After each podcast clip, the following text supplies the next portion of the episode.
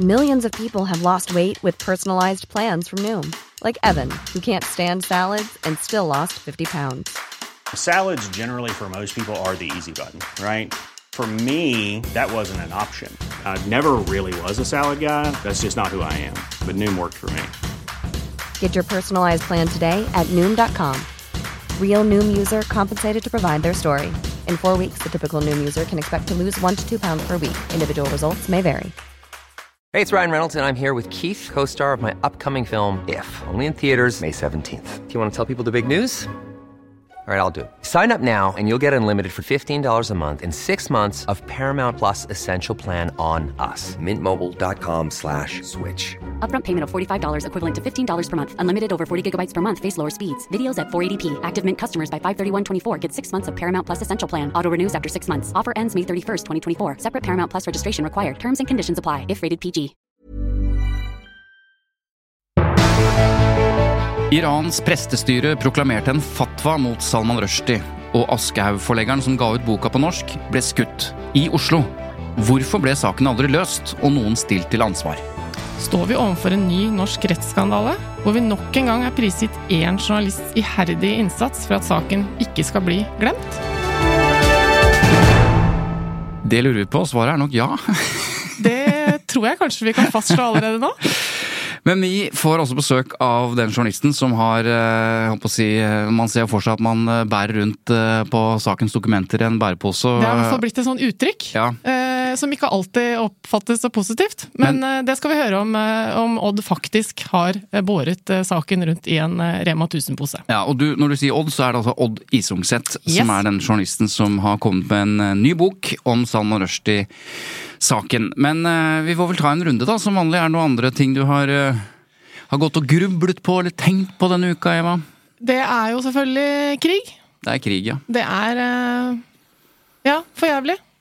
Det er altså så uh, Alle ordene er brukt opp. Det er grusomt.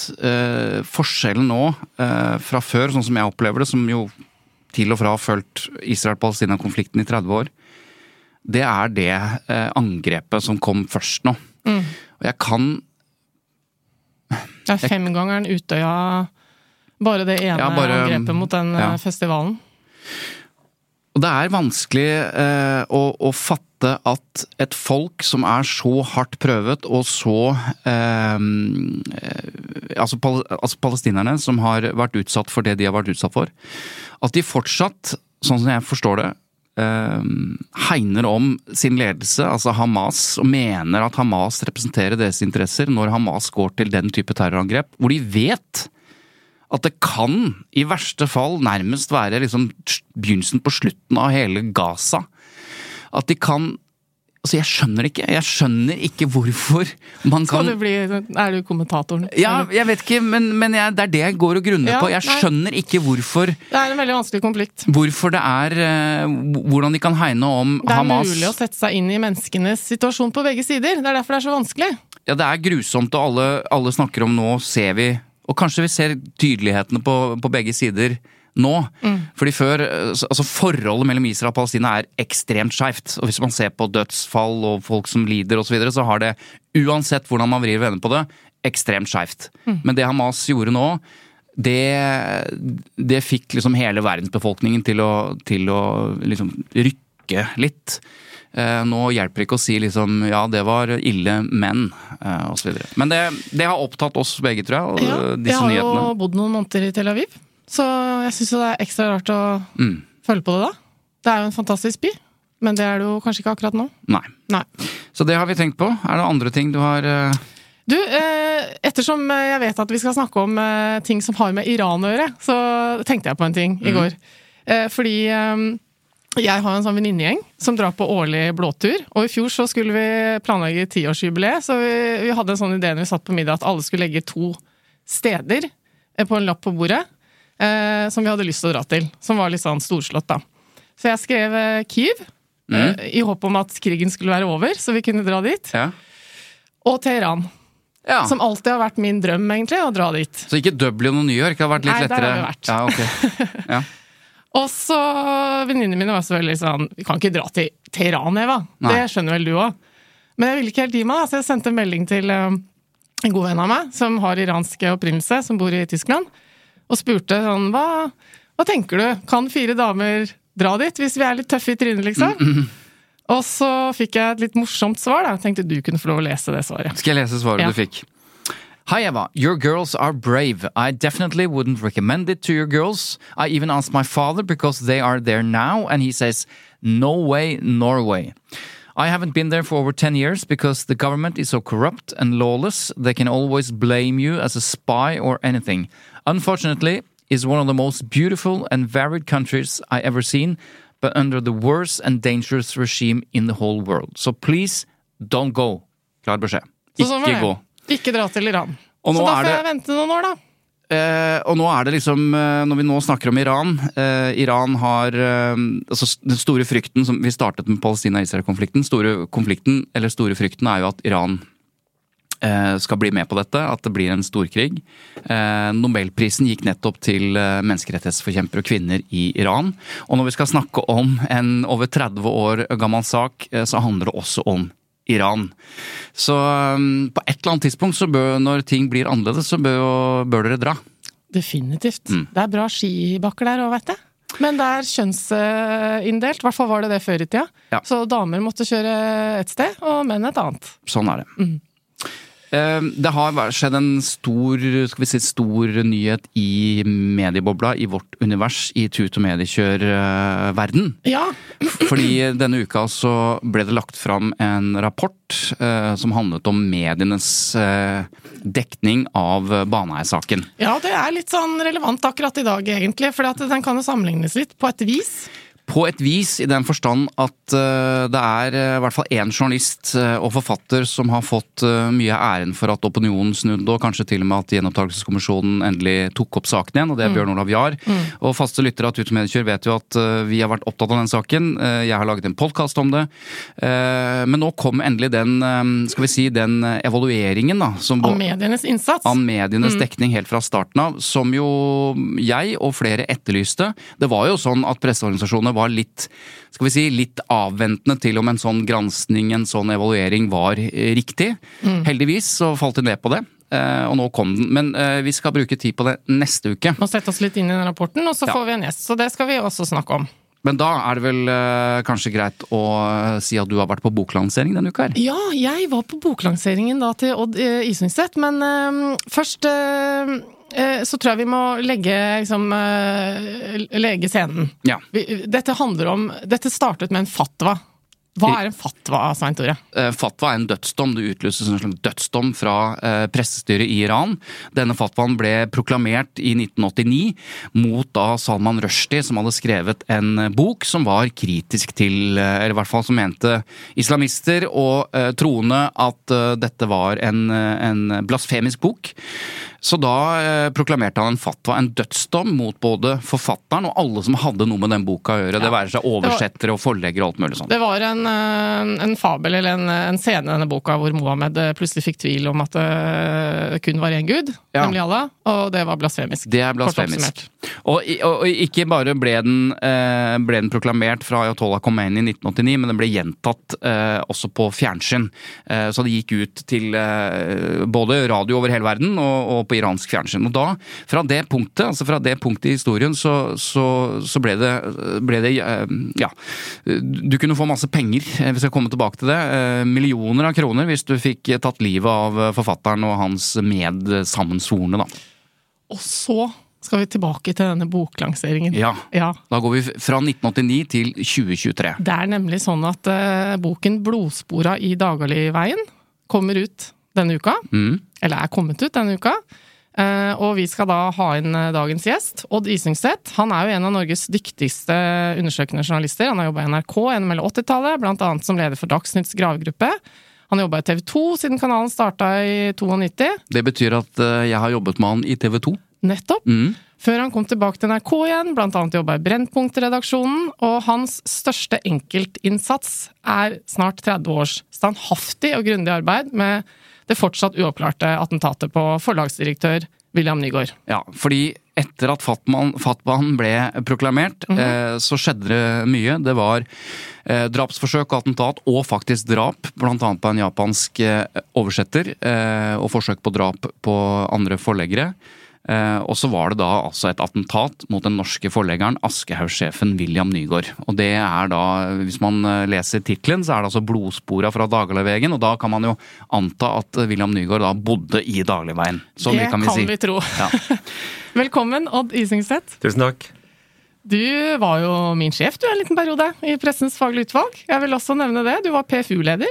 Jeg var det. Ja. Da du kom inn som representant for allmennheten, som det het. Kan ikke du bare si to ord om hvordan det var å få Eva Sandum, som da bare noen eh, strakser før PFU-engasjementet var jaktet av nasjonale og internasjonale medier som kjæresten til eh, kronprins Felipe? Det syns jeg var et veldig godt valg. Et overraskende valg fra Per Edgar Kokkvold, som var generalsekretær i Pressforbundet. For han var veldig opptatt av å få inn folk som sjøl hadde opplevd hvordan det er å bli jaga av mediene.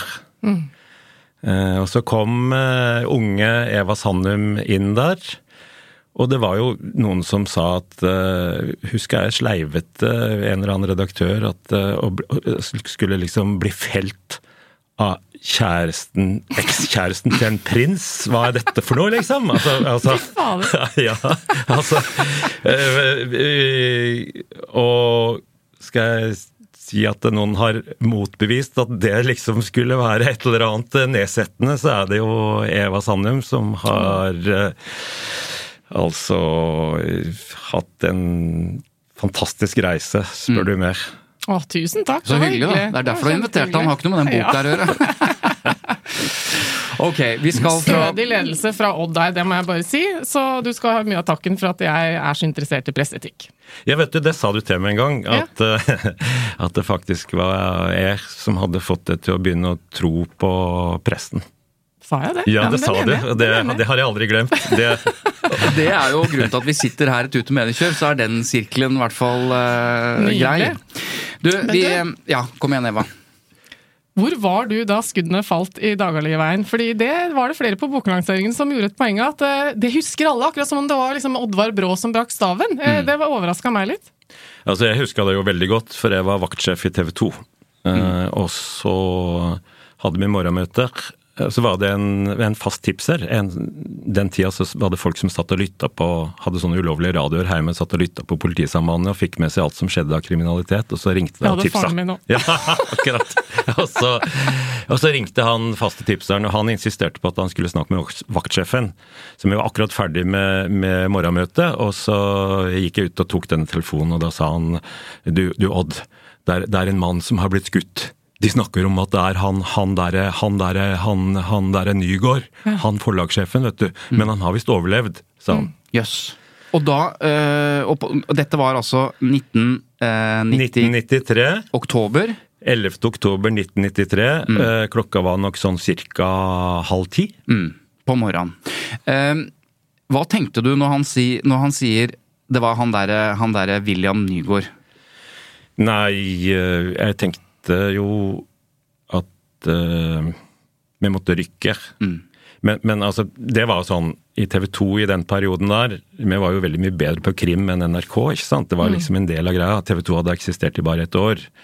Uh, var det noe vi sørga for, så var det å rykke med en gang, eh, blå, med en gang det var blålys. Det blei litt for mye en periode, kanskje. Men det betydde jo Jeg veit jo at det er de første bildene som er de viktigste. Så å få sendt et team opp dit, det var det første. Så, så TV 2-teamet var faktisk det første som kom, kom opp i dagligveien. Og sånt er viktig for mediefolk, har jeg skjønt. Ja, og så er det viktig for historien òg, for de bildene der som TV 2s team tok da, er jo de Ja, de har jeg jo brukt eh, mange, mange ganger Ja. senere, når jeg har lagd dokumentarer om dette. Eh, Så er det jo sånn at da begynte vi å lure hva er dette for noe, og så gjorde, gjorde noen søk, da. Eh, Fordi vi veit jo aldri i utgangspunktet så aner vi jo ikke noe når det oppstår den type saker, eh, hva det kan være for noe. Vi er nødt til å være åpne. Både oss mediefolk og politiet er jo nødt til å være åpne for at dette kan være hva som helst. Det tok ikke lang tid før jeg skjønte at dette var noe helt annet enn en vanlig kriminalsak. Ja, hvorfor det? Hva var det Fordi da leste jeg kjapt gjennom eh, arkiv og fant ut eh, at eh, det hadde vært eh, drap og drapsforsøk på oversetteren i Italia og Japan. Og at det bare fire måneder før eh, hadde vært eh, et forsøk på å ta livet av oversetteren i Tyrkia, der et helt hotell ble satt fyr på, og der 37 mennesker faktisk brant inne. Og det var jo noen branner i bokhandlere i Norge også. Det var det òg. Det, Det Ja. det også. Det kom seinere etter at boka ble gitt ut, men, men fordi at det du sier er at det, det var jo ikke var jo ikke sånn eh, allmenn kunnskap at det var utstedt en fatwa mot William Nygaard som forlegger. Så når han blir forsøkt eh, drept i dagligveien, så må du rett og slett eh, gjøre noen søk for å, for å sette dette i Ja. sammenheng med denne fatwaen. Ja, det, altså det underlige er jo at eh, jeg faktisk eh, dekte denne saken allerede da boka kom ut. Jeg var jo på vakt i Dagsnytt, da. Eh, vesentlig yngre enn jeg er i dag, for å si det sånn. Eh, og så blei jeg sendt ut for å dekke et møte i det som kalte seg Det islamske forsvarsrådet. Nå er vi tilbake i 1989. Mm. det er en, en ja, 14 dager etter at uh, etter Khomeinis fatwa, eller der omkring. Eh, og jeg hadde aldri satt beina mine innenfor en moské i Norge noen gang før, men jeg stakk nå ned dit og, og, og, satt der og venta. Og vi venta og venta og venta, og så kom de ut, og så sa de at eh, de vil ville forsøke å stoppe utgivelsen i Norge. Og veka etterpå så var det jo et rimelig spesielt demonstrasjonstog eh, gjennom Oslos gater. Der ca. 3000 muslimer toga gjennom gatene og ropte 'Stans boka i Norge! Stans boka i Norge!' Sånn at jeg huska jo dette. Og de som var uh, motdemonstranter da, de ble vel omtrent uh, slått ned? Ja, ja. Det er en scene der det står uh, noen rett utafor Stortinget. Når demonstrasjonstoget går forbi, så står det med en plakat 'Ja til ytringsfrihet'. Og de blir meid ned, da. Ja. Eh, Så det, det, det var jo sterke inntrykk. Eh, Så da dette skjedde i 93, altså fire år seinere, så var det jo naturlig å tenke tanken at det kunne være en sammenheng. Samtidig så var det helt uforståelig, spør du meg. Altså, altså, det var jo ingen som kunne forestille seg så lenge etterpå at noe kunne skje. Dette var i 1993, hvor mm. William Nygaard ble forsøkt skutt altså i dagligveien, flere Ja. år etter denne eh, fatwaen. La oss bare eh, ta en kort oppsummering eh, hva dette har resultert i for deg. Vi, vi introduserte med at du har holdt på med dette her i snart 30 år. Det har altså resultert i eh, to, nå tre bøker. Ja. Eh, flere TV-dokumentarer både på TV 2 og, og NRK. Eh, og du har holdt på med dette her eh, veldig lenge, og for noen år siden så sendte du inn eh, det vi kaller en metoderapport til SKUP, altså Stiftelsen for kritisk og undersøkende presse, for å redegjøre for liksom 28 år eh, med, med arbeid med denne saken. La meg bare sitere fra åpningen av den metoderapporten.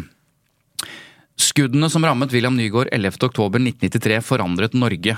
Det var det første islamistiske terrorangrepet på norsk jord, og det var liten tvil om at drapsforsøket var utløst av en dødsdom avsagt av en religiøs diktator i Iran.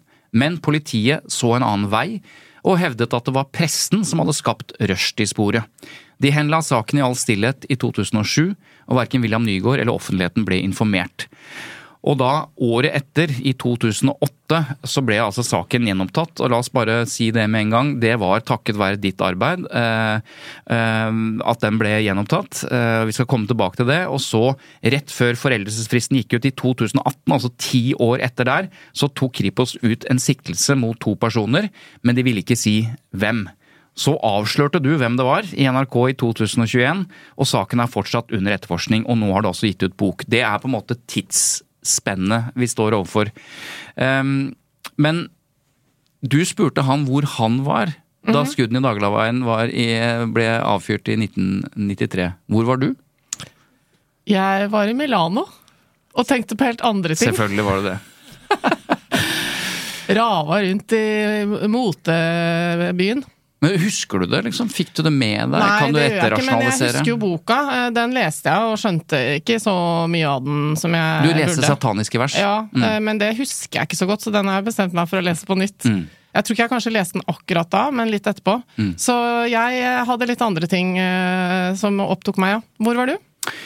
Jeg satt på forelesning i eh, Bergen og studerte psykologi. eh, Og Men har du etterrasjonalisert deg fram til at det var der du var, eller husker du dette? Nei, jeg, jeg har eh, jeg, jeg, tenker 1993, oktober. Ja. Ja. da satt jeg på forelesning. Ja. For jeg kan heller ikke huske dette på samme måte som en del andre eh, begivenheter. Men det ble jo eh, Jeg starta jo TV 2 bare noen få år etter. Eh, og da koblet jeg meg på både Odds arbeid og, og en del av det som, som fulgte. Men øh, Odd, øh, Svein Tore nevnte Scoop. Jeg husker For et par år siden så sto vi tre og snakka sammen om denne saken på Scoop på kvelden der. Og, og så la jeg merke til at det var litt sånn glassblikk blant noen av de som sto sammen med oss. Litt sånn Hæ? Altså, jeg merka at det, dette er ikke en sak som unge journalister engang nødvendigvis husker eller kjenner så godt. Nei, Vi snakket om William Nygaard, vi snakket om Salma Rushdie, og da sto det to øh, ja, som du sier, yngre journalister. Og det- ja, de var dokumentarister i tillegg. Altså De drev med podkast og, og sånn, og de skjønte ikke hvem dette var. Det er jo ganske enkelt fordi det er, veldig lenge siden. Det er lenge siden. Ja. Men um, bare kort, øh, Odd, hva var det som skjedde den morgenen i Dagbladet? Kan ikke du bare beskrive liksom, hendelsen nå som vi kjenner detaljene i det, etter, øh, etter at politiet har etterforska det? Jo, det som skjedde uh, var altså at uh, William Nygaard hadde vært på bokmessa i Frankfurt og hadde kommet hjem. Uh, og så skulle han på jobb eh, tidlig mandag morgen, halv ni. Eh, gikk ut eh, døra og bort til bilen som sto parkert på kortveggen av dette brune huset oppe i Dagligveien. Eh, og så så han at venstre forhjul var, var punktert. Og så banna han, forteller han, fordi han hadde lånt bort bilen til sønnen sin i helga og trodde at han hadde vært litt slumsete og satt den fra seg med punktert forhjul, ikke sant. Så går han over til passasjersida, for han akta jo ikke å, å, å begynne å skifte hjul, han har ikke tid til det. Og på den tida så var mobiltelefonen et svært apparat inni bilen som var kobla til bilens eh, batteri. Sånn væske, Ja, sånn væske, ja. væske faren min hadde sånn. Ja, så han eh, åpna døra på passasjersida, tok ut mobiltelefonen og slo eh, to nummer, altså 22, eh, for å ringe til Oslo Taxi. Han skulle jo fullføre hele rekka, Ja. men han kom ikke lenger. Og så sier han at han kjente noe som hørtes som han følte som et fryktelig elekt støt. Og så rett etterpå så kjenner han ett støt her. Og så hiver han fra seg mobiltelefonen og begynner å gå bortover mot skråninga.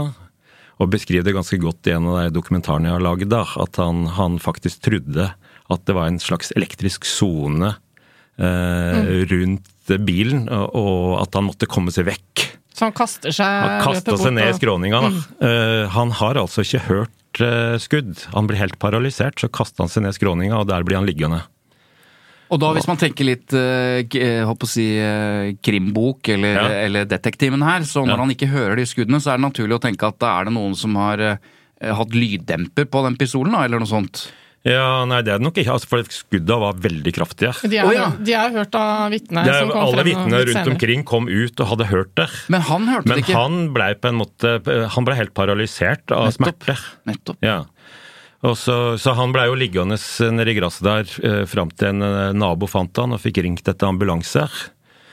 Og de som kom med ambulansen, eh, tror jeg ikke gjorde jobben sin helt bra, for å si det sånn. Fordi eh, de eh, fant heller ikke ut at han var skutt. Og dette, bare La oss dvele litt på dette. Fordi, Unnskyld, Odd. For Ja. at det, han er skutt tre ganger, det vet Ja, vi jo nå. ja. Eh, og så kommer ambulansen, Ja. eh, og du har beskrevet at han har en sånn svær oilskin-frakk, Ja. ikke sant? Som Ja. på en måte Men, men Og han er han er skutt med kuler som ekspanderer Ja, ja, eh, ekspanderer fra 12 til 24 Ja. millimeter. Men det er nesten litt vanskelig å fatte hvordan man kan komme dit som ambulanse og ikke forstå at han er skutt. Og dette er jo veldig vesentlig, fordi hadde de forstått det da, så hadde politiet kommet mye kjappere. Men de Ja. forstår rett og slett ikke det at han er skutt. Nei, han klaga på at han har voldsomme smerter, og vil på en måte bare bli kjørt vekk fortest fortest mulig. Og, det, og, og på grunn av den frakken, da, eh, så, så var det ikke synlig blod. Så han ble kjørt til Ullevål sykehus og inn på operasjonsstua.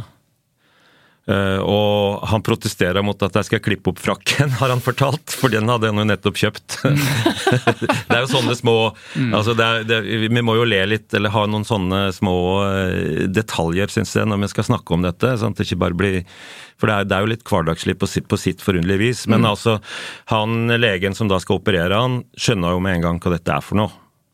Han visste godt hvem William Nygaard var. Han hadde lest sataniske vers. Han bare ropte 'ring krimvakta umiddelbart'. Så han var den første som gjorde denne koblingen? Han var egentlig? den første.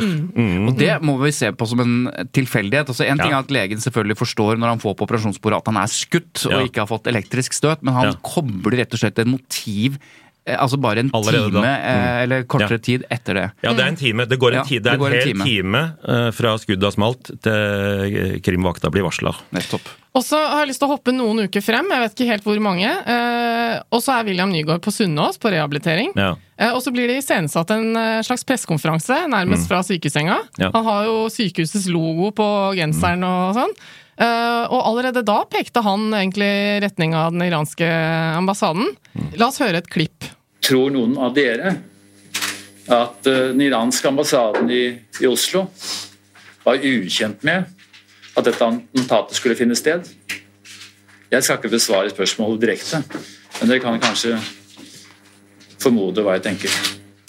Men eh, etterforskningsledelsen på den tida, de tok ikke helt det agnet, gjorde de det?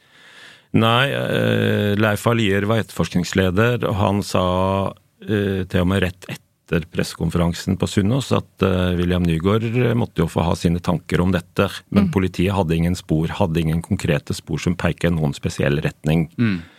Det var han påpasselig med å si i hele denne perioden.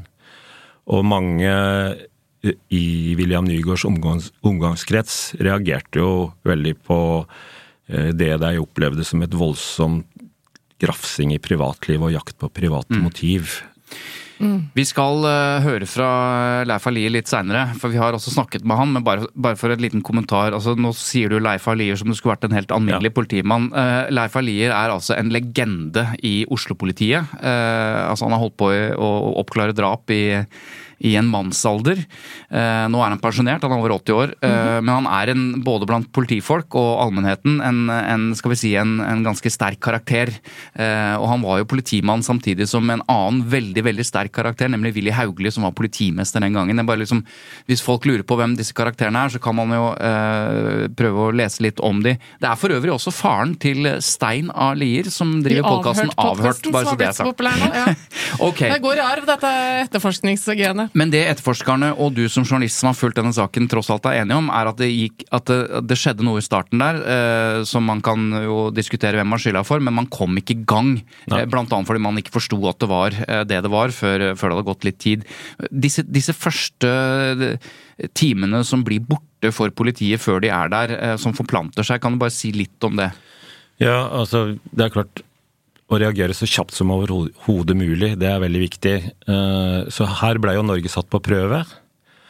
Så blei det beordra vakthold ved grensestasjonene. Og det fungerte ikke i det hele tatt, for vi hadde ikke noe system for riksalarm. Så, så uh, på Svinesund så var det i tvil om det var tolletaten eller om det var politiet som skulle gjøre dette. Og de hadde fått beskjed om at de skulle se Skulle se etter muslimer. muslimer. Ja. Ja, ja, Eh, og Det var ikke satt- så mange da i 1993, Nei, men allikevel. Og så, og så, så setter jeg opp uh, uh, forsterka grensekontroll en periode, da, fra, fra sånn tolvtida fram til klokka tre. Og da er det plutselig ny tvil om det er toll eller politi som skal vokte det. Så klokka tre blir grensekontrollen tatt ned. Og så blir den gjenoppretta klokka seks. Og hvis, han hadde, hvis gjerningsmannen hadde kjørt over Ørje, da, den andre veien ut, Eh, Der eh, hadde de et nytt system, da. Data var på vei inn, vet du. sånn at de hadde, var med på en sånn eh, varsling via et datasystem. Men den meldinga fikk ikke deg opp før eh, klokka fire. Så skjønte de at det egentlig var bedt om forsterka kontroll på grensa ut. Så det, det ble ikke, heller ikke iverksatt før klokka var nærmere seks. Og sånne ting som det her har vi jo blitt litt vant til å følge med på i nyere saker gjennom mediene, da. For nå er jo mediene veldig på å sjekke at uh, denne type ting blir gjort. Men hvordan var det å være journalist på den tida her? Eh, Altså, Fulgte dere dette tett? Ble det Å ja. altså Ja. Dette, det er klart, dette var jo en, en, en kjempesvær sak den gangen i 1993. Uh, som jeg skriver i boka, så var dette første punkt på morgenmøtet hver eneste dag. Hva skal vi gjøre nå for å komme videre? Har politiet tips? Hva er det som har hendt? Hva var motivet? Og sånn og sånn. Så, så, så ja, det var en, det var en, en veldig stor mediesak. Eh, Så var det nok eh, sånn den gangen at eh, mediene var mer mikrofonstativ for politiet enn det er i dag. Det er jo noe vi eh, kjenner igjen fra flere store eh, saker. Det har endret seg veldig på, tre, eller på 30 år. La oss bare ta det. Du Vi nevnte innledningsvis at, at eh, Baneheia-saken har fått sin evaluering. Det er flere saker som vi kan se tilbake på hvor kanskje verken politiet eller pressen har gjort jobben sin. Eh, Dette med pressens rolle i kriminalsaker den gangen kontra nå, kan du si litt om det, refleksjoner rundt det, siden du jobbet med det? Ja, refleksjonen rundt det er jo at det heldigvis har forandra seg totalt. Um, så den gangen så, så var det veldig sånn at uh, uh, når politiet fant ut at de kunne uttale seg om saken, og, og særlig når det var Leif A. Lier som sjøl hadde tatt over som informasjonssjef. Da, for, altså, det var jo en informasjonssjef for Oslo politidistrikt Den gangen. Uh, den gangen. En kjent tidligere NRK-mann som het Per Jarle Hellevik. Men Leif A. Lier han ville gjerne styre alt dette sjæl. Og han var jo, som du sa, en, en, en legende Uh, som eh, mediene elska å intervjue. Så han var den som uttalte seg om denne saken stadig vekk, og når det kom nye ting, så, så gjorde vi opptak med Leif Alier, og så sendte vi det. Eh, Så var det nok veldig få journalister som eh, hadde særlig mange andre kilder eh, i politiet, eller som drev på en måte aktivt eh, og fulgte med på hva som skjedde. Har det Så utvikla seg? For nå får man følelsen av som publikum at det er mye lekkasjer fra politiet. Ja, det har jo det har, det har forandra seg veldig. Mm. Det har forandra seg veldig. Så. Men altså, hvis vi nå skal liksom, Vi må komme oss fra 93, for det er jo, vi skal ikke gå gjennom hele tidslinja fram til 2023, men det er et eller annet som skjer hvor eh, mediene naturligvis eh, mister noe interesse når årene går og saken ikke er oppklart. Men drivkraften til Odd Isungset ser ut til å være like sterk. Altså, Hva er det som gjør at mediene, som jo er vanlig, toner ned, ikke prioriterer, og du fortsetter med denne saken? Eh, Det var litt tilfeldig det òg, da. At jeg begynte med det. Eh, Jeg er jo ikke en som Jeg var vaktsjef jeg den gangen, så jeg satte bare i gang ting, liksom. Og så seinere var jeg redaktør for et program som het Dokument 2. Og da var det en av våre journalister som jobber med krim, som var litt opptatt av dette, som hadde hatt et møte på et advokatkontor eh, med en fyr fra Oslos underverden som sa at han visste hvem som hadde skutt William Nygaard. Eh, og så sa han at eh, det, han visste om en dekkleilighet, og det var en bil som hadde brent i Tyskland, og, og han hadde jobba ved den iranske ambassaden. Og, og mye av det han sa var beviselig riktig. Men han ville ikke si mer, han skulle ha betaling. Og det var jo helt uaktuelt for oss. Og han skulle ikke bare ha litt, han skulle ha altså han, han skulle ha 150 000 kroner for å si mer. Nettopp. Ja. Ja, det er det vel verdt for å oppklare etter det. Da var disse prinsippene og journalistikk, da, Eva. Ja, men det er det andre melder som betaler for mye rart! Ja, det er sant. Men da- og så, jo, og så, jeg skal bare Jeg blir for lang, vet du. Men jeg skal fullføre den. Det som skjedde da, var at eh, jeg og min kollega Hans Petter Fagerli ringte til William Nygaard. Og så gikk jeg bort på Seesteds plass og inn i dette fornemme forlagshuset. eh, og følte at jeg har lest altfor få bøker, ikke sant. Jeg, var litt sånn eh, Jeg, jeg, jeg var litt, jeg var litt nervøs. Kom inn til en veldig avmålt eh, William Nygaard, som serverte kaffe og knekkebrød. Og som snakka om at han for all del han skulle ikke ha noen privatgreie og sånn. Nei, for dere ville jo intervjue William Nygaard da. Ja, jeg ville jo det, da. Men Ja. jeg ville først snakke med han da, og Ja. fortelle han om dette. Så sa han at ja, det, det er jo interessant. Og, og, så, og så begynte han å fortelle litt om hvordan det var å ha blitt skutt på, ikke sant. Og jeg satt jo der, jeg er jo vant til det. Når du er ute som journalist, så er du vant til å lytte etter sånne punkt som du kan nappe ut. ikke sant? Dette, dette skal jeg bruke, dette blir første klippet i dokumentaren. Ja, alt for nå dette. har dere en bakgrunnssamtale, rett og slett? Ja, dette er en bakgrunnssamtale over en kaffe. Så etter en times tid, og jeg ser at han begynner å få det travelt, eh, han har andre ting for det naturligvis, så drister jeg meg til å spørre om han kunne tenke seg å, å stille opp i en TV-dokumentar. Og svaret var helt resolutt nei. Han er Det- ikke så opptatt av å være subjekt i denne saken? Nei, han var veldig opptatt av at han absolutt ikke skulle være en som gikk rundt og sutra om sin egen sak. Så han sa liksom ok, men kom tilbake når du har noe substansielt nytt, du. Så skal jeg vurdere det. Så du har jo tatt på deg den, eh, den jobben, egentlig. Da. Nå må vi stille det oppfølgingsspørsmålet. Har du båret rundt på denne saken i en plastpose? Nei, jeg har ikke det.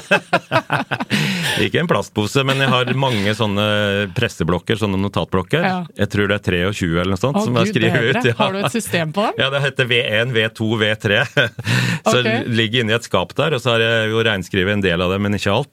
Og plutselig nå har jeg bladd gjennom og sett på gamle notater på News og funnet aha, det som ble sagt da, vet du, Ja, der var det noe. Ja. Så, så, så sånn sett så, så det begynner der. Eh, og så slutta jeg som redaktør og skulle begynne å lage dokumentarer. Og da fikk jeg jo tid til dette, så tenkte jeg at det, det som William Nygaard fortalte den gangen, og det, at ingen bryr seg om politiet, ingen har gjort noe politikritisk i dette, det må jeg faktisk prøve å få gjort noe med. Ja. Så søker jeg om visum til Iran. Apropos å reise til Iran, så jeg har vært der da jeg var. Heldiggris. Ja, det var, ikke, det var en veldig spesiell opplevelse, Ja. det må jeg si. Det var en veldig spesiell opplevelse. Jeg var ikke der som turist. Eh, Jeg var jo der eh, i håp om å få et intervju om Nygård Nygård og om Rushdie. Um, og jeg fikk det. Hvilket år er vi nå? Nå er vi i 1997. Ja. Ja. Det er etter at dere har hatt inne Eller at politiet har hatt inne en norskpakistaner eh, ja, som er man kaller Ali, som ble sluppet fri igjen. Ja da, det er lenge Ja. etterpå. Det er lenge etterpå. Så kommer jeg inn til generaldirektør Ebrahim Raimpour. Uh, Det henger bilder av Khomeini på veggen, det er bilder av Khomeini på skrivebordet. Uh, Og så vil han helst at intervjuet skal foregå på farsi, da. Men han har jo vært ambassadør i, i India, så han snakka ganske godt engelsk, så jeg insisterer på at intervjuet skal foregå på engelsk. Eh, og så begynner jeg å spørre han om, om eh, fatwaen, og han er veldig direkte. Ja, la oss høre på det klippet. But the main target is Salman Rushdie. If he's going to be die, I think it solve many things. Når jeg da får dette intervjuet i Iran, og naturligvis blir litt redd for om vi greier å komme oss ut Det var veldig anstrengt. Jeg spør han direkte hva han ville gjort hvis han møtte Salman Rushdie og sånn, og det, det er ganske heftig en periode. Eh, Med en gang jeg kommer hjem, så drar jeg bort til William Nygaard med dette. Og sier at jeg tror jeg har noe substansielt nytt, som var det han ba meg om to år før. Eh, og så lar jeg han få høre for så et lite eh, klipp. Og så blir jeg sendt ut på gangen eh, for at han skal rådføre seg med Kjell Heggelund, som var litterær direktør på det tidspunktet. Om han nå skal eh, liksom velge å stille, da. Ja. Og underlig nok, når jeg sitter ute på gangen, så tar jeg, sitter jeg og venter, så tar jeg ut Aschehougs konversasjonsleksikon. Det var sånn vi leita på internett før, holdt jeg på å si, og blar tilfeldig i boka. Og jammen så er det den sida jeg slår opp på, er der det er på K på Khomeini. Sånn helt, så jeg tror, begynner liksom å tro at det må være noe eh, under... Stjernene står i riktig noe forhold til hverandre. Men for å ikke ta for mange sidespor, det som skjer da er at William Nygaard sier ja til å stille. Og det er den første TV-dokumentaren jeg lagde om dette. Nettopp. Av flere. Mm. Så blir det flere dokumentarer, det blir flere bøker, men jeg vil allikevel eh, at du skal fortsette litt på det som sporet om hva er det som er Du har forklart at det var tilfeldig at du fortsatte å jobbe med saken, og så er det jo sånn når du jobber med en sak, så får du jo også kilder i en sak osv. videre Men, men kan du beskrive litt, og da vil jeg ha et større perspektiv enn de årene der, men liksom i, i sum hvordan det er for en journalist, eh, for det er bare du som har jobbet med denne saken over så lang tid. Hvordan er det å være én journalist, forfatter, dokumentarfilmskaper, som jobber med en så viktig sak, viktig i Norge, viktig over hele verden, mens resten på en måte slipper det? Hvordan er den følelsen? Nei, det har jo tidvis vært tungt. Det, det må jeg si. At det har vært litt sånn eh, ensomt. Eh, og så eh, Men det er sakens enorme overbygning altså, som har gjort at jeg aldri har gitt meg. ikke sant? Altså Truen på at det faktisk eh, Mistanken om at det faktisk har vært iransk statsterrorisme på norsk jord. Vi kan ikke leve med det, har jeg tenkt. Eh, Så har jeg laget denne dokumentaren, og når jeg har lagd den, så er jeg på en måte er det jo, Den fikk jo veldig god mottakelse. Eh, Så jeg var superhappy, jeg da. Eh, Og så tenkte jeg at nei, nå skal ikke jeg gjøre mer med dette, nå har jeg gjort mitt, ikke sant, og sånn. Mm. Så legger jeg den vekk, og så driver jeg med helt andre ting. Eh, Og så blir jeg stadig vekk minnet på det. da. Stadig så kommer det opp igjen et eller annet. Og, og en dag så får jeg jo et, eh, et anonymt brev i postkassa. Og dette er jo en slags våt journalistdrøm, ikke sant? Mm. Altså få et sånt eh, brev som poststempla i Oslo, håndskrevet på et linjert ark. Og du har fortalt at siste setning var eh, 'dette bør komme frem til det norske folk'. Ja, det Ja. står nederst. Hva var det som burde komme frem? Nei, der sto det om eh, arrestasjonen av en mann som het Ali. en nær venn av Jan Simonsen, stortingsrepresentant, i 1998. Ja. Og så sto det at kriminalsjefen eh, hadde løslatt han uh, uten å konferere med jurist og etterforskere, og at dette var helt uforståelig. Så sto det òg at han hadde, denne mannen hadde samme type våpen som var brukt eh, under attentatet. Han hadde kjøpt store mengder av samme type ammunisjon, og han hadde reist til Iran dagen etter at Nygaard ble skutt. Da begynner vi å snakke om et heit spor. Ja, pluss at dette er en del av historien som er eh, litt sånn sjokkerende for meg. For at du nevner Jan Simonsen. Altså, i, I denne fortellingen så er det jo eksempler på at han har vært og skutt sammen med Jan Simonsen i, I Maridalen. Stortinget- Ja, i Maridalen, men også i kjelleren på Stortinget og Mm. i leiligheten hans. Altså, dette virker jo helt absurd. Eller? Og, Ja, og Ali har vært på Stortinget. Ali har vært på Stortinget med våpen. Ja. Jeg husker den saken eh, altså fordi Jan Simonsen var jo en karakter. Eh, Signe hans minne, han er død nå, men Ja. han var jo en karakter i Fremskrittspartiet. Eh, denne saken og en del saker som kom i kjølvannet av denne Ali-saken som TV 2 kjørte, som du var med på, Odd, som handlet om bl.a. utestedet Enka osv., førte jo til at han ble ekskludert til slutt av Fremskrittspartiet. Så det er, det er mange forgreininger her. Men, men eh, når, når dette Ali-sporet kommer, og, og, og han som løslater, eh, løslater Ali, som heter Roger Andresen Ingen vet helt hvorfor. Leif Alier vet heller ikke hvorfor dette skjer. Han blir senere etterforsket av Spesialenheten for, eh, for eh, politisaker. og det er, det er så veldig mye i denne, denne historien som er litt sånn absurd.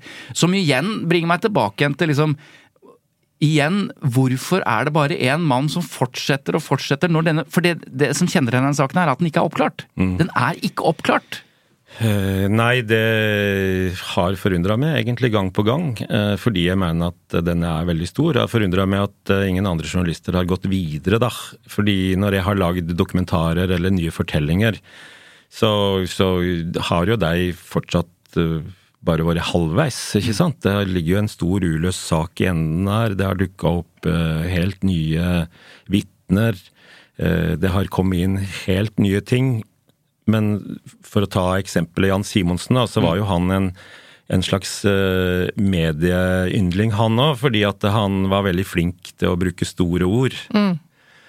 Sånn at eh, da politimester Willy Hauglie ga ut bok og fortalte om at, at det var da det ble kjent at Jan Simonsen hadde denne nære vennen og de greiene der, så var jo mediene mer opptatt av å slippe til Jan Simonsen, sånn at han kunne beskylde politimesteren for å true rettssikkerheten.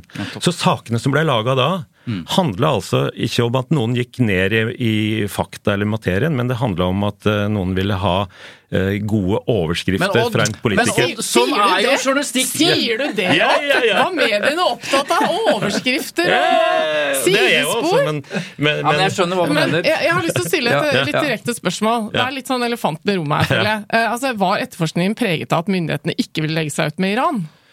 Det er det veldig mange som har spurt om. Eh, Og det har jo vært en slags konspirasjonsteori. Jeg tror ikke at uh, det fins noe som kan bevise at det var, var på en måte direkte styrt, men jeg tror at det har ligget noe underforstått her. Fordi vi, det, Dette er jo på den tiden hvor vi eh, holder på med Oslo-avtalen, og ikke sant? det er Ja. Israel-Palestina, det er mye forhandlinger i Midtøsten. Så Ja, dette det er. Oslo-prosessen, Ja. rett og slett. Ja, ja, det er, det er veldig stor prestisje knytta opp mot eh, fredsforhandlingene som eh, Norge sto i spissen for. Eh, det ble jo ikke fred, som jeg skjønner godt, i dag, men, eh, men dette var jo Norge var jo liksom verdensmester i fred på det tidspunktet. Altså, Da jeg var i Israel, som jeg snakket om i stad, Ja. så, så var det liksom bølgen hver gang Ja. jeg sa at jeg var fra Oslo. Ja. Eh, Da jeg kom. Ja. Eh, Det var helt sånn Å, er du fra Oslo? Fantastisk, fantastisk. Og så, i løpet av noen måneder når jeg var der, så begynte det nye Ja. sånne bussbomber og sånn. Og da forandret det seg. Altså på veldig kort tid. Men, men grunnen til at den konspirasjonen oppstår, Odd, er jo selvfølgelig det bakteppet med Norges viktige rolle i eh, Oslo-prosessen, hvor Iran selvfølgelig, og det å legge seg ut med den delen som støtter eh, Palestina, er, vil være krevende diplomatisk. Eh, men den, den får jo fyr fordi nettopp fordi f.eks. en Ali blir løslatt uh, av kriminalsjefen uten at noen får noe godt svar eller forstår dette. Men hvis man trekker seg litt ut av den konspirasjonen, da, så Det er jo er jo veldig lite trolig at en, at en politisjef løslater et veldig, veldig viktig enten vitne eller sikta eh, eller mulig gjerningsmann fordi noen politisk sett som ordner med fredsprosessen, eh, har liksom utøver en eller annen slags press på det. Det er nesten Man skal være ganske konspiratorisk for å få det til å henge sammen nå, da. Ja da, det er sånt som skjer i film. Ja. Uh, Så jeg har jo naturligvis spurt uh, alle. Ja. Jeg har uh, Har ikke fått noe. Mm. naturligvis spurt statsadvokat Lasse Kvikstad, Leif Alier og, og alle. Var det noe som helst sånn? Og da sier jo Leif Alier veldig tydelig nei. Mm. Og det hadde jeg aldri i verden funnet meg i. Men det interessante er jo at eh, rett før politimester Willy Hauglie døde, så var jeg og gjorde et intervju med han. For han var jo veldig opptatt av denne saken. Og så var det, sier han at uh, han lurer veldig på om det var utenforstående krefter Som og, som gjorde at de ønska at denne saken ikke skulle bli løst. Nettopp. Og at det var ting som ikke, ikke, engang jeg som politimester fikk Mm. vite om, sier han da, ikke sant? Eh, jeg glemmer jo aldri det intervjuet som jeg gjorde oppe i Tromsø med den eh, aldrende politimesteren, som var for sjuk til å snakke første gang jeg ringte, som sa 'jeg er så glad du pirka borti dette', det er ingen andre som For gjør det. og sånn. trodde at Han- det var noe muffens der. Han sa det på TV. Og han var altså politimester i Oslo, så det er klart at uh, det Ja, det syns jeg mm. synes jeg var ganske spesielt, da. Men jeg har ikke funnet noe annet. Uh, jeg har funnet en del uh, underlige Jeg har funnet ett veldig underlig referat fra Utenriksdepartementet og møter med Rushdie-komiteen. Som jeg skrev om i boka, der referenten har ført på ting i parentes. Som har blitt sagt i det møtet. Som blir, dette er et møte mellom Rushdie-komiteen og UD. eh, og Hva er Rushdie-komiteen? Rushdie-kom- den internasjonale Rushdie-komiteen, ja, ja, vi må starte der. Den Mm. internasjonale Rushdie-komiteen ble jo starta for å støtte Salman Rushdie. Mm. Eh, Sånn at ikke han skulle sitte innebura med livvakter, glemt av alle. Mm. Eh, Det gikk jo over 1200 dager før han fikk møte en statsråd. Og den første han møtte, var, var Åse Kleveland. Det var et sidespor. Men altså Denne norske komiteen eh, hadde et møte med Utenriksdepartementet og foreslo en del politiske reaksjoner overfor Iran. Og da har referenten ført på, i parentes, Igjen en ubegrunnet eh, beskyldning mot Iran. Jam, og lenger ned, jf. Iran-presumpsjonen lenger oppe og sånn. Sånn at det, er- det, det, det dokumentet syns jeg Det viser i hvert fall en bevissthet rundt uh, hva slags klima denne saken Ja. ja, eksisterte det, i. da. det dokumentet syns jeg er veldig rart. Men du, det er tusen sidespor i denne saken, Ja, det da, men du nevnte Åse Kleveland. Altså, det, det litt rare her er jo at eh, Salman Rushdie, eh, i motsetning til å da sitte innelåst i en kjeller holdt jeg på å si, fordi han trenger beskyttelse, så er han faktisk plutselig på Aschehougs hagefest, av alle ting, Ja. i Oslo. Ja. Eh, hvorfor det? Hva skjedde?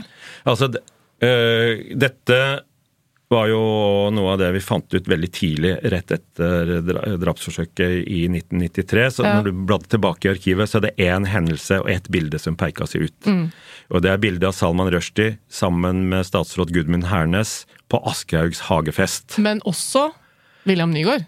Ja, Ja, det var William som hadde invitert ham. Ja, ja, ja. ja, ja. Ja, Eh, det er vel ikke helt irrelevant. Nei, det er ikke irrelevant i det hele tatt. Altså, altså, altså William Nygaard var veldig opptatt av å, å støtte Salman Rushdie. Mm. Sånn at han gjorde det han kunne for å få han til Norge. Og da, skal huske på, på denne tida så var altså Salman Rushdie bevokta og flytta fra adresse til adresse, levde med politifolk rundt Ja. seg absolutt hele tida. Ingen flyselskap ville han med. Nei, ikke sant? Altså. Lufthansa og og- British Airways ville ikke fly Salman Rushdie, så han måtte fly med privatfly. Og han ble da smugla inn i Norge. Og så var han på et møte i den norske pennklubben dagen før hagefesten. Det er det møtet som er tidsskillet, egentlig. Mm. Da hadde William Nygaard mast og mast på Gro Harlem Brundtland, på Thorvald Stoltenberg, altså Gro som var statsminister den gangen, og Thorvald som var utenriksminister, og de hadde sagt nei, de turte ikke. Og så hadde de gått på Åse Kleveland, som fant ut at dette måtte hun støtte, og som sa ja til å være med på dette møtet i pennklubben. Da fikk Salman Rushdie for første gang etter Fatwan møte en representant for en regjering. Ja, Dette Penn, var- Penn er altså eh, stiftelsen for eh, Nå husker Ja. jeg ikke i farta, men eh, for journalist... Fri presse. skribentorganisasjon, Ytringsfrihetsorganisasjon, ytringsfrihetsorganisasjon, da. Ja. Eh, og så eh, skulle han på hagefest eh, dagen etterpå, i hemmelighet, ikke sant. De som var på den hagefesten sier at eh, dette glemmer jeg aldri. Nei. Han kom ut fra villaen og gikk ned i hagen, og det var liksom som om som havet delte seg i to. Og det skal jo sies at eh, den hagen ligger jo ganske nær Irans ambassade. Ja, ja, det er bare et steinkast unna. Og det, Så. eh, også bare for å ta det, eh, Ja. også Kleveland var den første som møtte, men det første bildet som ble Mm. symbolsk, var altså møtet der William Nygaard står i midten, Salman Rushdie på hans venstre side, og på hans høyre side så står altså Gudmund Hernes, som var da eh, utdanningsminister i Norge. Så det er det Ja. første offentlige bildet med Ja. der Salman Rushdie, eh, må man tro da eh, anerkjennes av en, eh, av en statsråd i en regjering i Europa. Ja. Eller i det hele tatt. I det hele tatt. Ja. Så det, det er klart, altså William Nygaards markante støtte, hans kampanje for Salman Rushdie har, har vært veldig viktig for mm. Rushdie-saken. Og er jo et eh, ja, en slags god forklaring, eller en forklaring på hvorfor han blei skyteskive, må vi jo kunne si da. ikke sant? Dette blei jo lagt merke til den iranske ambassaden, det er ingen tvil om det. Nettopp. Eh, Så hvis vi nå, Eva, fordi eh, denne saken kunne jeg gjerne snakket om i eh, en dag. Kunne sitte her til neste uke. Kan lage flere deler. ja. Ja, det er bare å putte en femmering på meg, Ja. så fortsett i en time, ikke sant? Men vi er, vi er jo fortsatt da på, eh, på 90-tallet, eh, sånn at eh, det skjer jo ikke så mye i denne saken eh, liksom hvert eneste år. Men det skjer jo noe helt avgjørende i, i 2007, hvor saken faktisk da et, til slutt blir henlagt. Ja, men det er ingen som får vite det. Ingen får vite at saken blir henlagt, og det i en så profilert sak, så må jeg nesten spørre journalisten, da. Hva i all verden eh, er det som foregår når politiet henlegger saken mot altså eh, attentatet mot William Nygaard uten engang å fortelle William Nygaard eller Norge om det? Nei, det syns jeg er helt uforståelig. Så nå, da jeg jobba med manus til denne boka, så sendte jeg en ny henvendelse til Oslo politidistrikt og spurte er dette vanlig. Eh, og så fikk jeg bare som svar at det, dette, det kunne da ikke svar på. De som jobba med dette den gangen, var for lengst slutta i politiet osv. Men, men, men altså, det er jo helt uforståelig at, at det kan skje, spør du meg. Og, og uforståelig, apropos mediene, at ingen fanga dette opp. Nei. Nå er det vel bedre rutiner for å fange opp dette, eller? Altså Det som var tilfellet den gangen, må vi òg huske, da var ikke systemet med bistandsadvokat eh, etablert. Nei. Sånn at William Nygaard hadde jo sånn sett som offer eh, nesten ingen kontakt med politiet. Han hadde bare okay. kontakt med de som hadde vakthold, ikke sant? Ingen får vite altså at saken henlegges. Men så holder jo du på da, med dine dokumentarer og ditt arbeid. Og det er jo sånn at eh, det som kommer fram i dine dokumentarer, er opplysninger som er så viktige at saken blir altså året etter at den blir henlagt, uten at noen vet det, så blir den gjenopptatt. Det får heller ikke folk med seg, og den flyttes fra eh, Oslo til Kripos. Og da starter altså en ny etterforskning. Men du vet dette, men hva, hvorfor får ikke vi vite det? Ja, jeg lagde denne dokumentaren i 2008. eh, fordi da var det 15-årsdagen, da. Eh, jeg har liksom plukka ut 5, 10, 50 Eller et eller annet sånt. Og ta det jubileum. Ja, Ja. ja. ja nei, men òg med frykten for at det, det, altså, vi, det var muligheten var forelda etter Nettopp. 15 år. Så det var litt av drivkraften. Men det var òg det at jeg hadde fått høre ting, og så var det politifolk som da hadde blitt pensjonert, som fortalte i den dokumentaren om denne forunderlige løslatelsen, og hvor forbitra det hadde vært over, over den løslatelsen. Det er det som faktisk uh, fører til at uh, Riksadvokaten ser gjennom dette, vurderer uh, dette, ber om å få over saks... Eller ber statsadvokaten om å få over saksdokumenter. Og beordre en gjennomgang av alt dette. Mm. Faktisk, da blir det kjent på årsdagen for fatwaen. Så sier eh, daværende riksadvokat Tor Aksel Busch at denne saken er så stor og så viktig. Den representerer et angrep på helt sentrale samfunnsverdier. Derfor så må den etterforskes så langt som overhodet mulig. Saken blir gjenopptatt. Men du har en helt spesiell rolle her, fordi eh, vi, vi får ikke vite at den ble henlagt først, og så får vi heller ikke vite at, den, eh, at, at ny etterforskning er på gang. Kan du ikke beskrive litt din rolle i dette, Odd, og hva du går og bærer på? Jo, da Altså, jeg vet jo at Riksadvokaten har bedt om en gjenopptakelse. Så jeg ringer jo og spør av og til skjer det noe. Og så får jeg vite at ja, eh, den er faktisk gjenopptatt. Og den blir flytta fra Oslo politidistrikt til Kripos. Hva betyr det i Det betyr i realiteten at Oslo-politiet har fått stryk. Der vil et annet organ skal ta tak i dette og se på det. Så sier de samtidig at eh, de ikke vil at dette skal bli kjent, eh, for det kan ødelegge for etterforskningen. Men det er jo en kjempenyhet. Ja, ja, men jeg tenker jo at eh, det er jo Jeg skal ikke ødelegge for etterforskningen. altså Hvis det blir kjent at den er gjenopptatt, så vil jo folk begynne å skjule sine spor. Det er liksom alt dette greiene. Vitner kan begynne å påvirke hverandre. Alle de tinga der. altså Overraskelsesmomentet er veldig viktig for politiet. Mm. Samtidig så er jeg i den underlige posisjonen at jeg faktisk veit ting som politiet ikke er kjent med. Jeg har gjort en del research. Eh, Jeg kjenner til tilsvarende saker i utlandet, kanskje særlig. Iran-relaterte drap på opposisjonelle i Europa har jeg brydd meg ganske mye om. da, og tenker at det kan være paralleller og sånn. Så jeg er faktisk på møte med Kripos og låner ut eh, en dom fra Tyskland og litt sånn forskjellig. Nå snakker vi presseetisk om upublisert materiale. Du ber om det, eller? Nei. Nei, ok. Jeg sa upublisert, ikke tale om. Alt, men det andre jeg kan, som eh, jeg skjønner at det Eller som kan jeg gjerne snakke om. Jeg deler jo gjerne informasjon. Og jeg deler gjerne informasjon som jeg har henta fra åpne kilder i utlandet. Nettopp. Og jeg forstår jo at i saksmappa så fins ikke de dokumenta. Den, den helt epokegjørende dommen fra Tyskland der Iran faktisk blir dømt for drap på opposisjonelle på tysk jord, Mm. fins ikke i, i dokumenta, ikke sant? Hvor lenge går du og bærer på den nyheten? Jeg går jo og bærer på dette i over et år. Nettopp. Og jeg er jo livredd da, på, på ett plan for at, eh, at noen skal, eh, skal, skal slå meg, som konkurrent skal slå En meg. journalists mareritt. Ja, jeg, Ja. På den ene sida. På den andre sida så, så syns jeg at det er veldig sørgelig. At det ikke er noen andre der. Eh, Så får jeg et inntrykk av at Kripos skal slå til. Eh, De varsla jo at det skal skje veldig fort, da, når de har gjenopptatt at det er seks erfarne Kripos-medarbeidere som jobber med den saken. Og at det er regna med først i omgang i et halvt år, og så litt lengre. Og det er varsla at eh, de er klar for pågripelser og sånn. Så jeg tenker oi, oi, oi. Og jeg har eh, da tatt sluttpakke i TV 2, så jeg er frilanser. Så lurer jeg hva i all verden skal jeg gjøre med dette.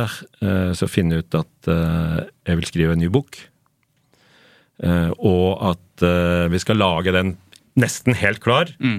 Og så skal jeg bare, idet det blir action her, så skal vi putte inn alt det siste med arrestasjon og sånn. Og, så, og så skal folk få lese hele bakgrunnen. Nettopp. Det var planen for den boka som jeg skrev i 2010, som heter 'Hvem skjøt William Nygaard'. Men det blir jo ikke noe pågripelser Det og skjer noe Det skjer ikke en dritt. Nei, så da bestemmer jeg og forlaget oss for at uh, nå skjer det ingenting her. Nå tror jeg vi gir ut dette uansett. Og det gjør jeg òg fordi at jeg veit at jeg vil ikke gi fra meg upublisert materiale. Så jeg tenkte på den andre sida at dette kanskje kunne hjelpe, være litt til hjelp for politiet òg, da. Så da gir vi ut denne boka. Og da kan, det er først da jeg kan fortelle William Nygaard at saken faktisk er gjenopptatt. Jeg har gått og boret på det et år òg, da. så Men nå må vi tilbake til Ja. Leif Alier. Fordi, ja. fordi eh, du begynner jo å stille spørsmål, og mange stiller spørsmål om hva som har gått galt. fordi nå, Det klarer ikke å få oppklart denne saken her. Han har noen uttalelser eh, i 2000 og, hva er det, 2012 eller noe sånt. Eh, hvor han skal prøve å forklare politiets liksom, handlemål Hva er det hans hva? Ja, for Det gikk et lite gisp gjennom eh, salen på din boklansering, Odd, og folk rista litt på huet av disse uttalelsene. Jeg syns vi skal høre dem. Hadde ikke noe hovedspor ved på den tiden. Eh, Det var informasjonsinnhenting. Men jeg må vil innrømme i dag at jeg kjente ikke så veldig godt til William Nygaard den gangen. Politiet er ikke Arnardo. Vi kan ikke trylle. Vi må forholde oss til fakta.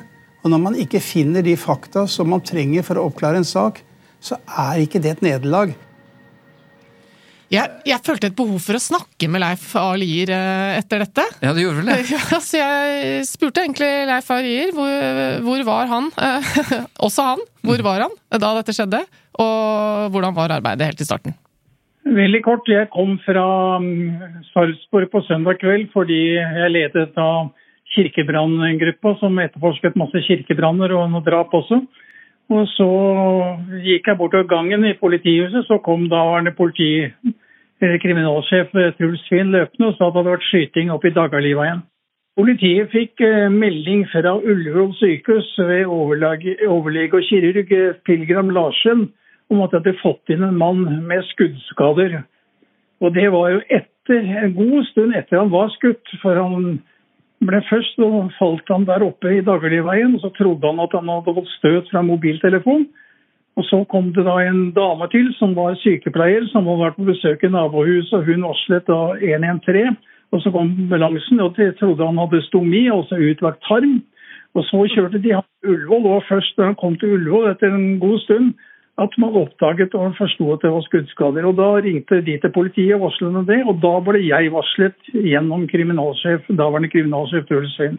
Så da tapte vi mye tid i starten. Var fatwa fatwaen mot uh, Salman Rushdie på, på, radaren deres uh, i starten av saken? Nei, det var det ikke. Det var helt klart at Salman Rushdie og den boken som også var sendt ut, og fatwaen fra Iran, det var eh, ikke noe i hvert fall jeg kjente noe særlig til. Hva syns du om medienes arbeid med Nygaard-saken, både da det skjedde og etterpå? Nei, det har jeg ikke noe eh, negativt å si om. Det er klart at den, den som vel har fulgt denne saken best i alle alle år, det er Odd Isengset. Og han har gjort et fremragende arbeid som eh, journalist for å forsøke å finne ut hvem som sto bak og hvem som skøyt, men eh, jeg har ikke sett han har kunnet påvise noe sikre bevis.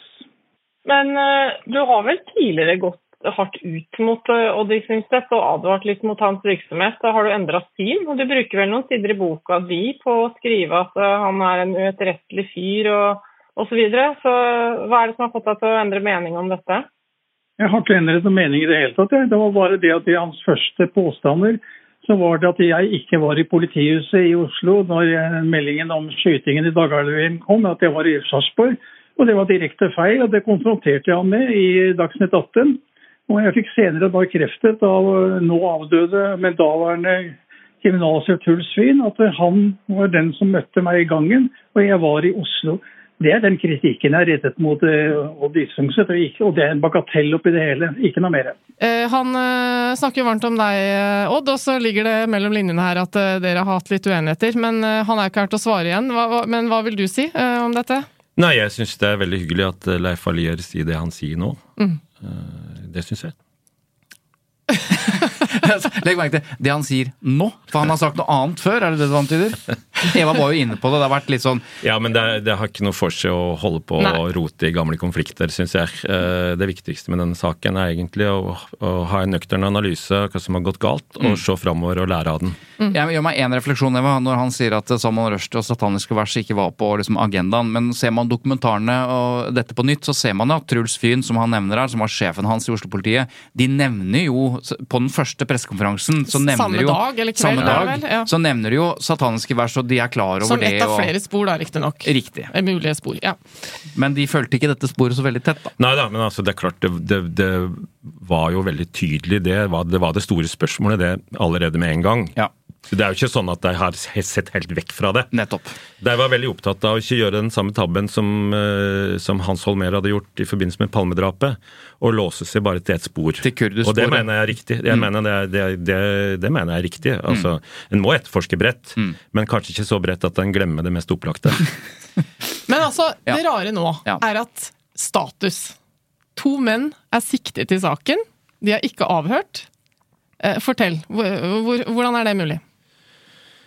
Uh, så vidt jeg vet, så er ikke det avhørt, nei. Uh, altså, uh, Kripos sikta to personer i 2018, rett før foreldelsesfristen. Mm. Den ene var libaneseren Khalid Mosawi, som har visse bånd til Hizbollah. Den andre var en tidligere førstesekretær ved den iranske ambassaden i Oslo, som het Mohammed Nikah. Og det betyr jo at både politiet, og dette har vært nøye vurdert da, hos ledelsen i Kripos, hos statsadvokat, riksadvokat. De mener at det er mer enn 50% sannsynlig at det faktisk er sånn at en diplomat ved den iranske ambassaden har planlagt drapsforsøk i Norge. Det, det er, det er alvorlige saker. Ja, og det er mm. bekrefta rettslig òg. Altså, det er ikke nok Det er på en måte bekrefta rettslig. For det er det som ligger til grunn for en mulig eh, utleveringsbegjæring. Da må det faktisk bekreftes rettslig. Ja, og da er, Siden det er som du sier, en siktelse, så er det overveiende sannsynlig over 50% at de tror eh, på dette. Men denne siktelsen kom altså i 2018. Ja. Ble ikke avslørt før du avslørte NRK i 2021, er det riktig? Ja. Og vi har snakket mye om at du var litt aleine i, i arbeidet med denne saken, men helt aleine var du ikke, fordi Fritt Ord eh, engasjerte seg også litt uh, når denne siktelsen kom. Jeg snakket med Knut Olav Åmås, som er lederen for eh, stiftelsen Fritt Ord, uh, på boklanseringen din. La oss høre hva han sier. Ja, Det har vært en viktig sak i nesten 30 år. William Nygaard fikk jo Fritos pris i eh, 1994. Senere har vi også gitt en Fritos honnør til Odd Isungset, som eh, den eneste norske journalist som faktisk har fulgt denne saken eh, hele tida. Det, det er helt utrolig at han har vært så alene. Ehm, Så har vi eh, også finansiert en del bøker og dokumentarer om, om Nygaard-saken. Flere av de av, av den heltemodige Isungset. Og eh, i forbindelse med at eh, eh, han avslørte eh, at to personer er sikta i saken, så, så gikk vi også ut og, og skrev en kronikk i Aftenposten i høsten 2021. Eh, krevde mer handling fra politiet, eller at Stortinget ba om at politiet eh, blir granska. For denne saken bærer nå, og har i en del år båret preg av nå av å være en politiskandale, rett og slett. Eh, Det er en slags eh, uløst nasjonalt traume, litt sånn som Palmesaken. eh, Som, som vi ikke kan leve med, spesielt ikke i en tid med terror som nå. Flott å få så fine ord om seg, Odd. Eh, I tillegg så har jo Fritt Ord, Forleggerforeningen og Aschehoug faktisk utløst et dusør på to millioner kroner Mm. eh, for avgjørende tips som kan føre til videre, altså til løsning av saken. Da. Her Så har jeg et det er- forslag. Det er, mulig å tjene en slant. Her er et forslag. Gi, gi den dessøren til, til Odd Isungset, som har jobbet i snart Ja. 30 år med den saken. Men, men ok. Um, kan jeg spørre også, Eva, du var jo på boklanseringen og møtte sentrale aktører, deriblant William Nygaard. Ja. Eh, Hva slags forhold har du til William Nygaard som uh, Han er jo fortsatt eh, spill levende og, og er engasjert i ytringsfrihet osv., og, så videre, og du har jobbet med denne saken hans i snart 30 år. Hva slags relasjon har dere? Det har på mange måter blitt litt spesielt, fordi William Nygaard hata å, å være et offer, så han hata egentlig å snakke om denne saken. Og så når jeg ringer han, så veit han at det nå har, driver og pønsker på et eller annet, nå har det kommet et eller annet nytt, ikke sant? Nå, ja. Mm. Så, så da er det først litt sånn uff da, skal, Ja. skal vi begynne med dette nå igjen? Men nå er han veldig glad, kan jeg fortelle deg, Ja, for ja. det arbeidet du har gjort. La oss høre hva han sier. Jeg spurte han om hva dette bokprosjektet som du har jobba med da, nå, eh, betyr for han. Nei, Det vises jo at Odd Isungset uh, gir seg ikke. Gir seg aldri, som han eh, uttaler. eh, I å forfølge en eh, sak som eh, går om noe langt mer enn meg. Det har liksom ikke noe med meg å gjøre, i prinsippet, selv om jeg er liksom utløseren av saken. Eh, fordi denne etterforskningen har vist seg å ha en rekke mangler og eh, en eiendommelig liten eh, vilje til å fullføre. Og det er forbløffende at politiet ikke har vært mer konsentrert. Og det som forbløffer mest, er jo at de ikke er villige til å offentliggjøre navnene på to siktede som ble siktet for fem år siden. eh, Som er en dokumentasjon på at dette både en er et, eh, et eh, mordforsøk eh, i en, av en eh, fremmed person i et, i et land som Norge, og at det har vært politisk medstyrt av en diplomat i den iranske ambassaden. At dette, som jo er såpass vold, voldsomme overgrep, ikke er blitt tatt på skal vi si, i gåsehøyden på alvor, det forbløffer. Der hørte vi altså William Nygaard. Altså, dette er en mann da, som ble, ble skutt tre ganger. Ja, har overlevd. Dette er hovedpersonen på sett og vis ved siden av Salman Rushdie, men han skal ha seg frabedt at, at, at det har noe med han å gjøre. Altså, han er liksom, han er der, som du sier, Odd, at han vil liksom ikke være eh, sentrale i begivenheten, selv om han er det. Mm, Nei, han har hele tida vært opptatt av det overordnede og det prinsipielle. Det snurper seg litt sammen nå. Altså, det er 30 år siden eh, dette attentatet skjedde. Nå har du kommet med en ny bok. Eh, William Nygaard eh, er litt mer engasjert i saken, på et vis. Eh, og, og så har det skjedd litt politiske ting. Altså, for halvannet år siden så stilte Abid Raja et spørsmål i Stortinget som vel heter interpellasjon. Ja, det, er- det er én form for spørsmål i Stortinget som heter interpellasjon. Ja, Så Venstre har da engasjert seg. Prøvd å spørre justisministeren hva har dere tenkt å gjøre med den saken. La oss høre hva Abid Raja sa om dette på boklanseringen. Eh, Mitt anliggende med å ta ut dette, denne interpellasjonen til regjeringen var jo egentlig, den var jo stilet også til eh, utenriksministeren. Om de vil ta i bruk Utenriksdepartementet, altså rett og slett ambassadenettverket, til å ta opp dette spørsmålet med iranske myndigheter for å spørre Hei, vi ønsker å samtale med denne førstesekretæren som var her i Norge, som nå er under mistanke fra, mm, fra norsk politi, for å få kartlagt eh, om vedkommende hadde noe med den saken å gjøre eller ikke. Justisministeren avfeide det hele med å si at nei, eh, regjeringa har ikke tenkt å følge det diplomatiske sporet og ikke tenkt å bruke utenrikstjenesten. Har egentlig ikke tenkt å foreta seg noen ting eh, overfor iranske myndigheter. Denne saken ligger hos politiet, og politiet må håndtere det videre. Det syns jeg er sjokkerende. Det, altså, det bør være forbi enhver rimelig tvil at eh, Nygaard ble eh, forsøkt drept som følge av at boka ble gitt ut. Den saken er uoppklart. Det attentatforsøket skjedde på norsk jord. eh, Og eh, nå gjør norske myndigheter svært lite, om overhodet noen ting i det hele tatt, for å forsøke å få saken oppklart. Og det, det er rett og slett en skamplett på vår rettsstat. Er det deilig å høre dette, Odd Isingset? Ja, det er det. Mm. Jeg liker å høre at andre er engasjert. Eh, Forunderlig nok så var det jo da sånn at eh, i går blei det kjent at Kripos nå har avslutta etterforskningen og sendt eh, denne saken til påtalemessig vurdering eh, hos statsadvokaten i Oslo. Eh, Dagsrevyen, eller ja, NRK, hadde den saken i går. Jeg trodde kanskje at det kom til å bli sitert og vekke litt oppmerksomhet, fordi William Nygaards bistandsadvokat sier i det intervjuet med NRK at han har et inntrykk av og en forståelse av at eh, Kripos i løpet av de fem åra som har gått siden siktelsene ble tatt ut, ikke har gjort noe forsøk på å avhøre de to som er sikta. Så når de har avslutta etterforskningen, sendt den til eh, påtalemyndigheten, eh, hva, hva er mest sannsynlig? De har eh, sendt den til påtalemyndigheten med en innstilling som de absolutt ikke vil røpe på hva går ut på. Men hva tror du? Eh, Jeg tror at innstillingen dessverre er henleggelse. Det tror William Nygaards advokat òg. Statsadvokaten sier at eh, denne saken er så omfattende at det vil ta et par måneder kanskje å gå gjennom alt. Så da får vi se hva som skjer. Mm. Men det er jo også sånn, Eva, at selv om dette er 30 år siden, så er jo denne øh, saken øh, på en måte spill levende. Altså fortsatt. Det er bare et år siden det som skjedde i, øh, i New York. Ja, altså, fordi det er jo sånn at fatwaen eh, fra Khomeinis Iran er jo faktisk formelt sett trukket tilbake.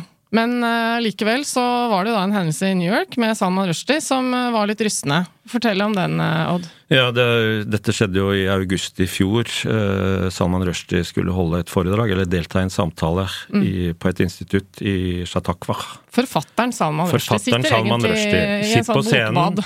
sitter på scenen i et slags bokbadaktig ja. greie. For å snakke om eh, egentlig fribyordningen for forfattere, faktisk. Altså, Mm. altså asyl for forfattere, som han tok initiativet til, og som jo har blitt en stor ordning i Norge. Der forfulgte forfattere har et sted å, Mm. å, å få, få asyl, der de kan skrive. Så er det plutselig en, en mann, Hadi Matar heter han, eh, som storma fram på scenen med en kniv, og som knivstakk Salman Rushdie. Eh, Blant og- annet eh, har det ført til at han er blind på det ene øyet. han er blind på det ene, en, ene øyet. Um, han overlevde mirakuløst nok. Mm. Han har nå greid å skrive bok om det som hendte. Uh, den kommer ut i april. Jeg så coveret på den boka i går, som er helt fantastisk. Det er et hvitt omslag med en knivstrek igjennom. Aha. Uh, og, så han fortsetter jo sitt virke. Mm. Og han har jo sagt i et intervju at uh, det er orda som betyr noe, ikke kniven. Mm. Uh, så, så det er jo sterkt. Jeg har møtt Salman Rushdie fire ganger uh, og intervjua han, og han er jo en veltalende mann, en fantastisk forfatter. Uh, og det er jo veldig sterkt å se intervjua og den forfatningen han er i nå. Mm. Han bor i England? Han Nei altså han, nei, han bor i New York. Han i New York, er, amerika, han er amerikansk statsborger, han nå. Salman Rushdie er født i India. Ja. Eh, og så eh, vokste han opp i Storbritannia. Mm. Og så flytta han til USA i 2016 eller der omkring, og er blitt amerikansk statsborger.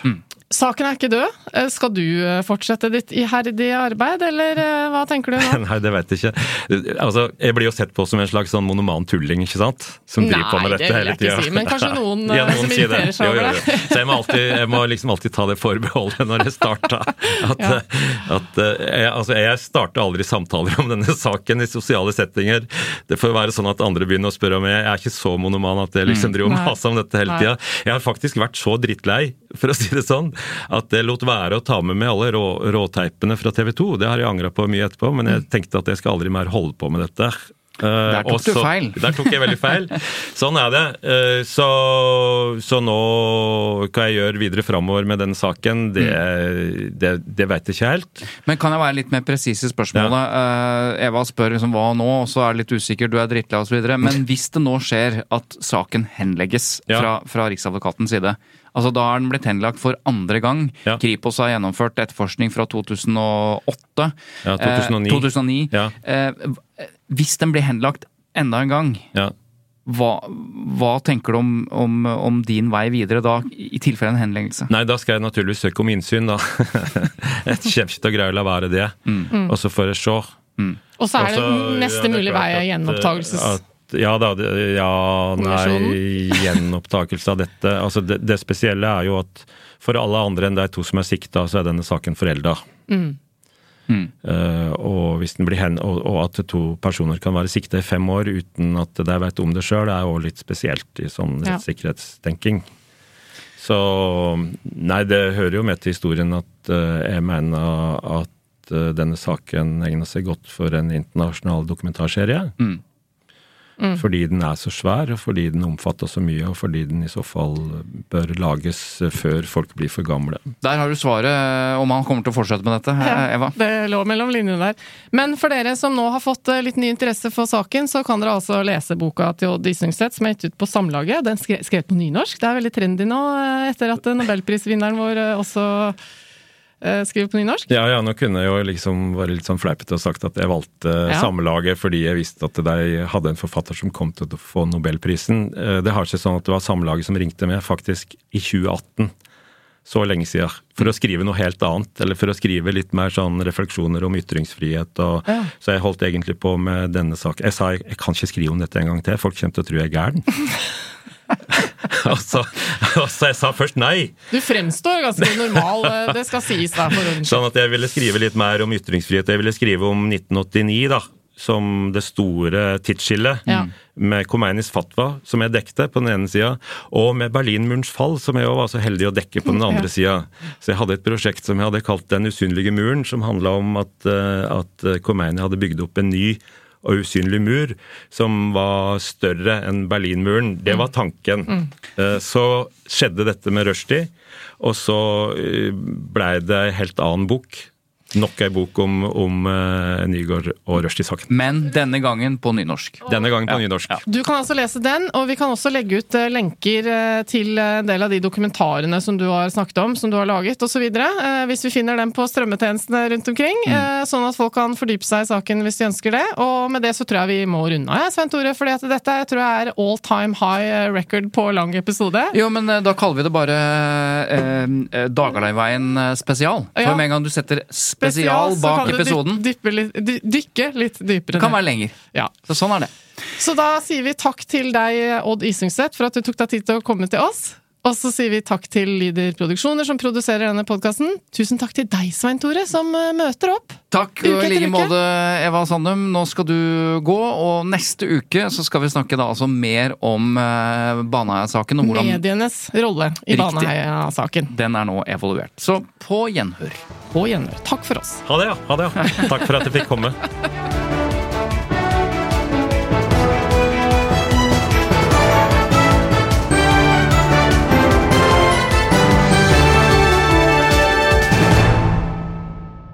De eksterne klippene du hører i episoden, er fra Odd Isungsets egne journalistiske prosjekter og dokumentarer i NRK og TV 2.